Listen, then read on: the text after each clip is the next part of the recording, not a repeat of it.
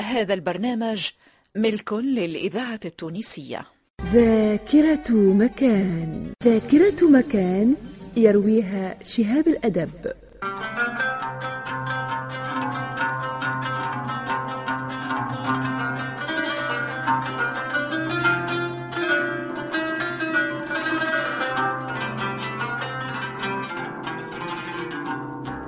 ماذا بقي في ذاكرة الجنوب الغربي من آثار الرومان عند مرورهم بهذا المكان؟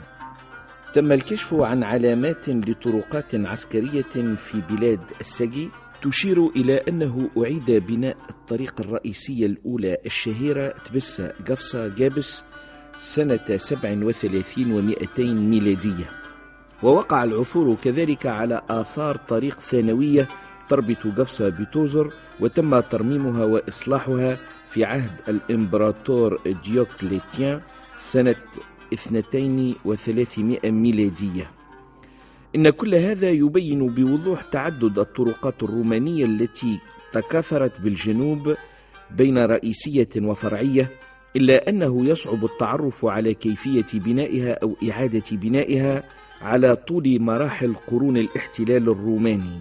ولم تعد الآن آثارها واضحة للعيان سوى بعض الكتابات والنقائش لعلامات ميلية أو إشارات لإعادة جسر من الجسور أو طريق من الطرقات أو بقايا أشغال فنية للصهاريج والآبار شبيهة بما جرى في الطرقات الشمالية للمقاطعة الإفريقية الرومانية.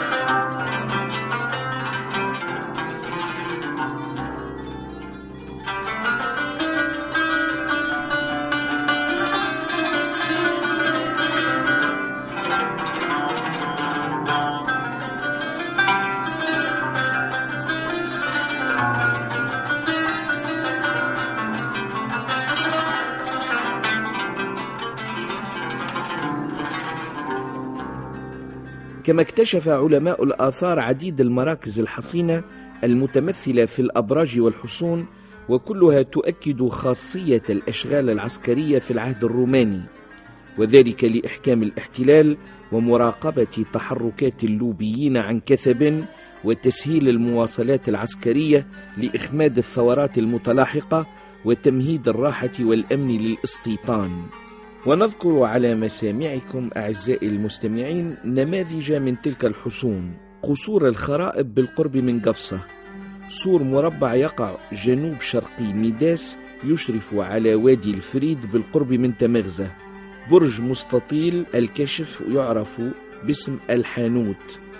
برج مراقبة لرصد التحركات في شبكة الكنطاس. مركز عسكري في قصر الشمس قرب الشبيكة حصن كاف عبد الصمد قصر الزيتونة في بلاد السجي هنشير الجمودي في القصر الأحمر آثار الناظور شرقي طريق قفص القيروان مدافن بالهميمة بين بنعون والحفي آثار هنشير القريوش في الطلح في سفح جبل هداج وغير ذلك من المواقع الأثرية الكثيرة. وكانت أن تمركزت حاميات عديدة ساهرة على خطوط الدفاع وضمان السلم الروماني بهذه الحصون الصغيرة والكبيرة.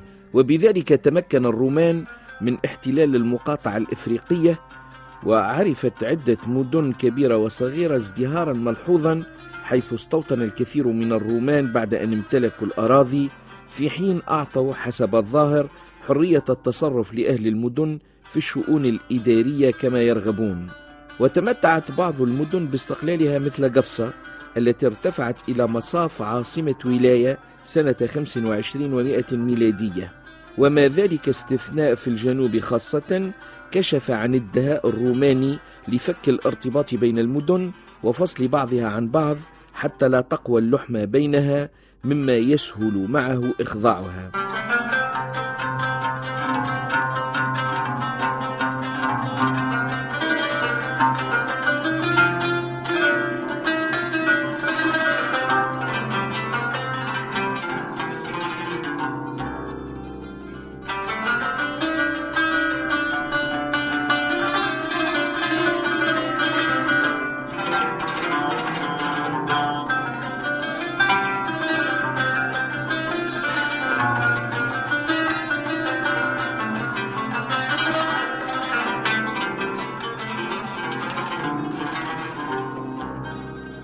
ويبدو أن قفصة سكتت عن مضض ولم تساهم مباشرة في الثورات البربرية التي تندلع من حين لآخر تجنبا لانتقام محتمل يسلطه الرومان عليها ومحافظة على مواطنيها الفلاحين بعد أن شفيت جراحها التي خلفتها مجزرة ماريوس والتي كنا قد أشرنا إليها في الحلقة السابقة.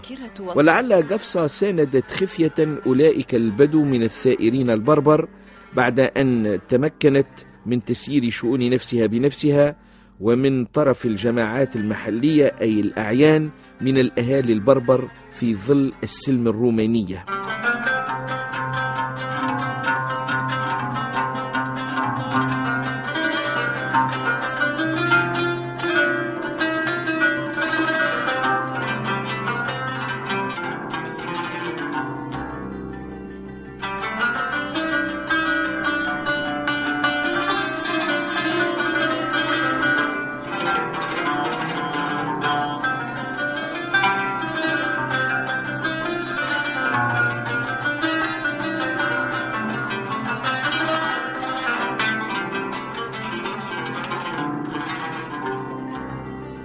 لقد أصبحت كبسة مستوطنة شملها القانون الروماني الذي لم يكن في حقيقة الأمر والواقع إلا قانونا سبقهم إليه الفينيقيون في اختراع الدساتير لحفظ الحقوق والواجبات والانصراف إلى العمل في إطار القانون. احتفظت قفصة باستقلالها الإداري بشروط فرضتها روما تمثلت في وجوب دفع الضرائب واحترام معتقدات أغسطس وكان منهم أن بنوا قوس النصر للتدليل على اعترافهم بجميل الإمبراطور هادريان الذي أرسى قانون البلديات. ولقد تم العثور على كتابات كثيرة تشهد بمكانة مدينة قفصة في العهد الروماني وهي على حدود البرو قنصلية فتم بناء المعبد المرصع بالرخام والتماثيل وأقيمت البوابة النحاسية في المدخل الرئيسي للمدينة. وقد شيدها الأهالي عن طريق بلديتهم وبأموالهم وتم تدشينها في غمرة احتفالات بهيجة دامت ثلاثة أيام. ترى أين مقر بلديتها وبيوت أهلها من الحاكمين والفلاحين؟ وأين مسرحها ومكتبها وكنائسها؟ وما هو نصيبها من المعرفة والثقافة والعلم؟ وأين ملاعبها وميادينها التي كانت مخصصة للمرح واللهو؟ وأين موقع الفرجة وملعب الحيوانات المفترسة؟ وأين موقع قوس النصر بها؟ لقد عثر الدكتور فيلبون سنة تسع وثمانين وثمانمائة وألف على روائع فنية عجيبة تشهد على مستوى أهل البلاد في الإبداعات الفنية الرومانية والألعاب والمباهج البهلوانية وكل ميادين الحياة الروحية والمادية.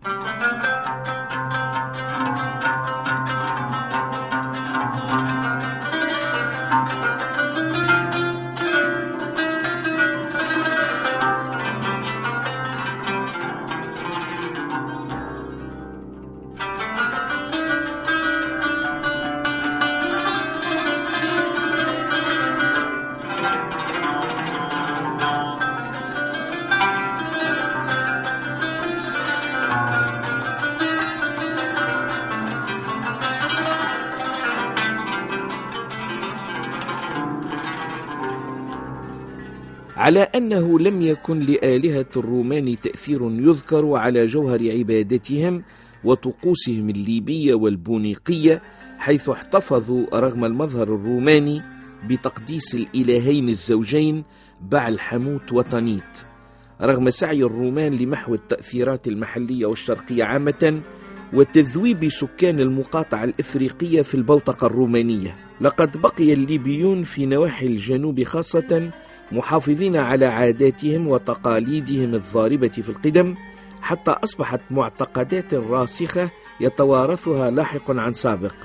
ألم تكن عادة ذبح كبش أو ثور فكرة قديمة تقام كتضحية تقدم قربانا للماء المقدس لطرد الأرواح الشريرة من حول العيون الجارية رمزا للخصب والنماء؟ والعادة ظلت جارية في الحوضين الكبير والصغير إلى زمن قريب جدا.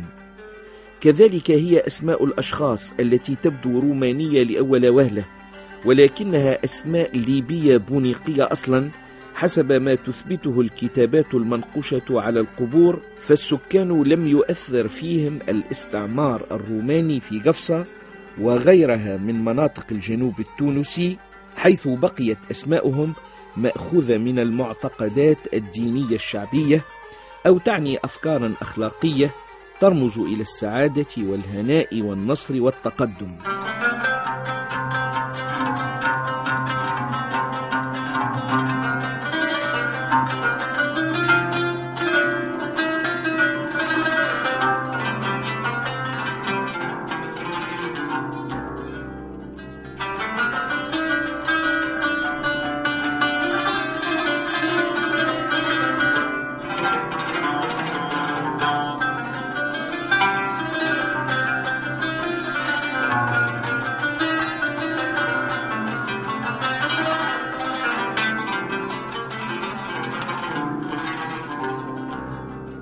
لقد شمل نفوذ قفصة وتأثيرها على من حولها في كامل حدودها الجغرافية والطبيعية. حتى قيل قفصة تعني في ذلك الوقت الأراضي الممتدة إلى جمودة وجلمة شمالا إلى شط الجريد وشط الغرسة جنوبا فهي المنطقة الغربية في إفريقيا الرومانية التابعة لمقاطعة تبسة مثلما كانت جابس تابعة لمقاطعة طرابلس. إذا قفصة تشمل وادي جمل سيدي عيش بئر لحفي شمالا مواضع رومانية في بالخير وماجورة شرقا أم لقصاب وما جاورها إلى تلابت غربا حيث آثار رومانية كثيرة.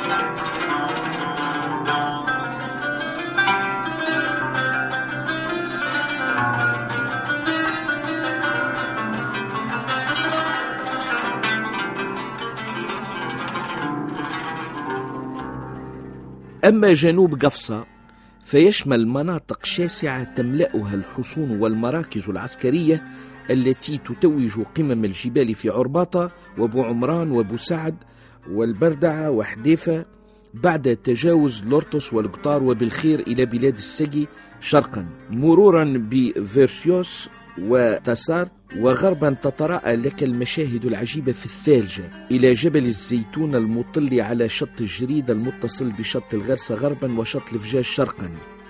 لقد ازدادت قفصة أهمية بعد أن امتد نفوذها الإداري الذي كان يتولاه الأشفاط وزاد الرومان كرمهم لقفصة فعوضوهم بجماعة محلية أي الأعيان العشرة أطلقوا عليهم اسم لديكوريون للتصرف في شؤونها الحياتية الاقتصادية والاجتماعية.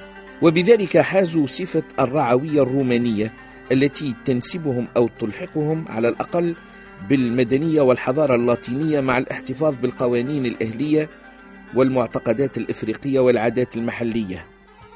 كما أن طريق غدامس التي احتلها الرومان سنة 19 بعد المسيح بقيادة لوسياس والتي تصل أرض الجريد قفصة توزر بسجل ماسا بالمغرب الروماني في عهد القائد كايوس سعى الاحتلال الرومان إلى تنشيطها صناعيا وتجاريا بعد أن أحاطها بمراكز عسكرية حصينة. لقد كانت شهرة جلودها تتعدى الحدود خاصة وأنها كانت معروفة منذ العهد البونيقي بصناعتها الجلدية الفاخرة التي كانت تمر بقفصة لتأخذ منها وتساير الحياة الصناعية وتواكب الحياة التجارية وتساهم في تنشيطها مما بقي متواصلا حتى العهد العربي الإسلامي الزاهر.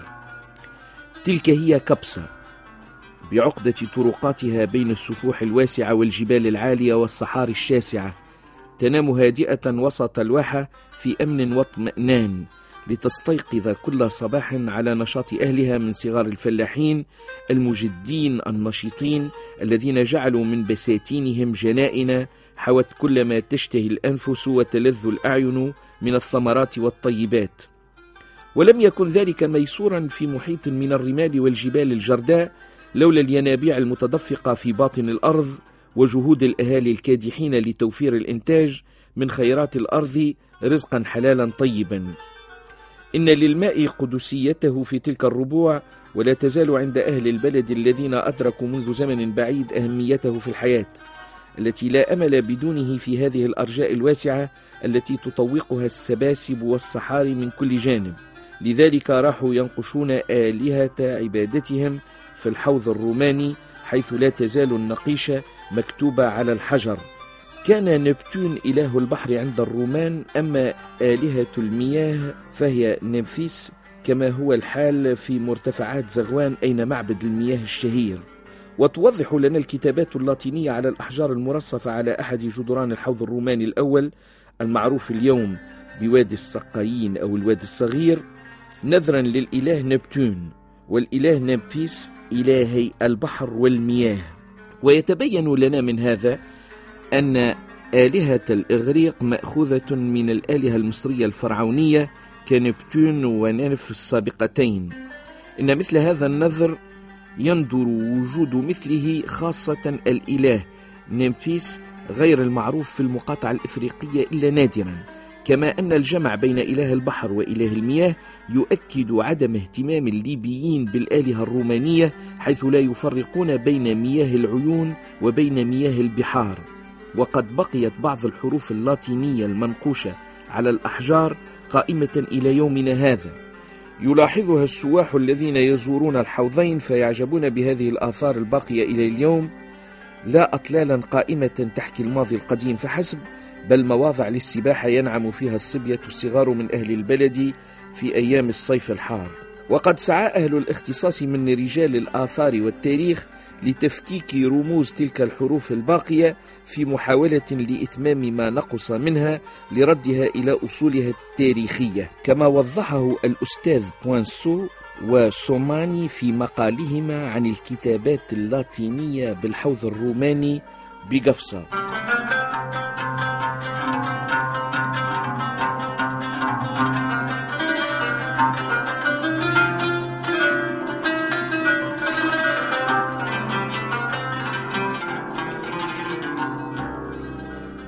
نواصل بحول الله رصد كل هذه الآثار الرومانية بجهة قفصة لندرك ماذا بقي في ذاكرة الجنوب الغربي عن هذه الحضارة الرومانية في الحلقة القادمة. نستودعكم الله وإلى اللقاء. ذاكرة مكان. ذاكرة مكان يرويها شهاب الأدب.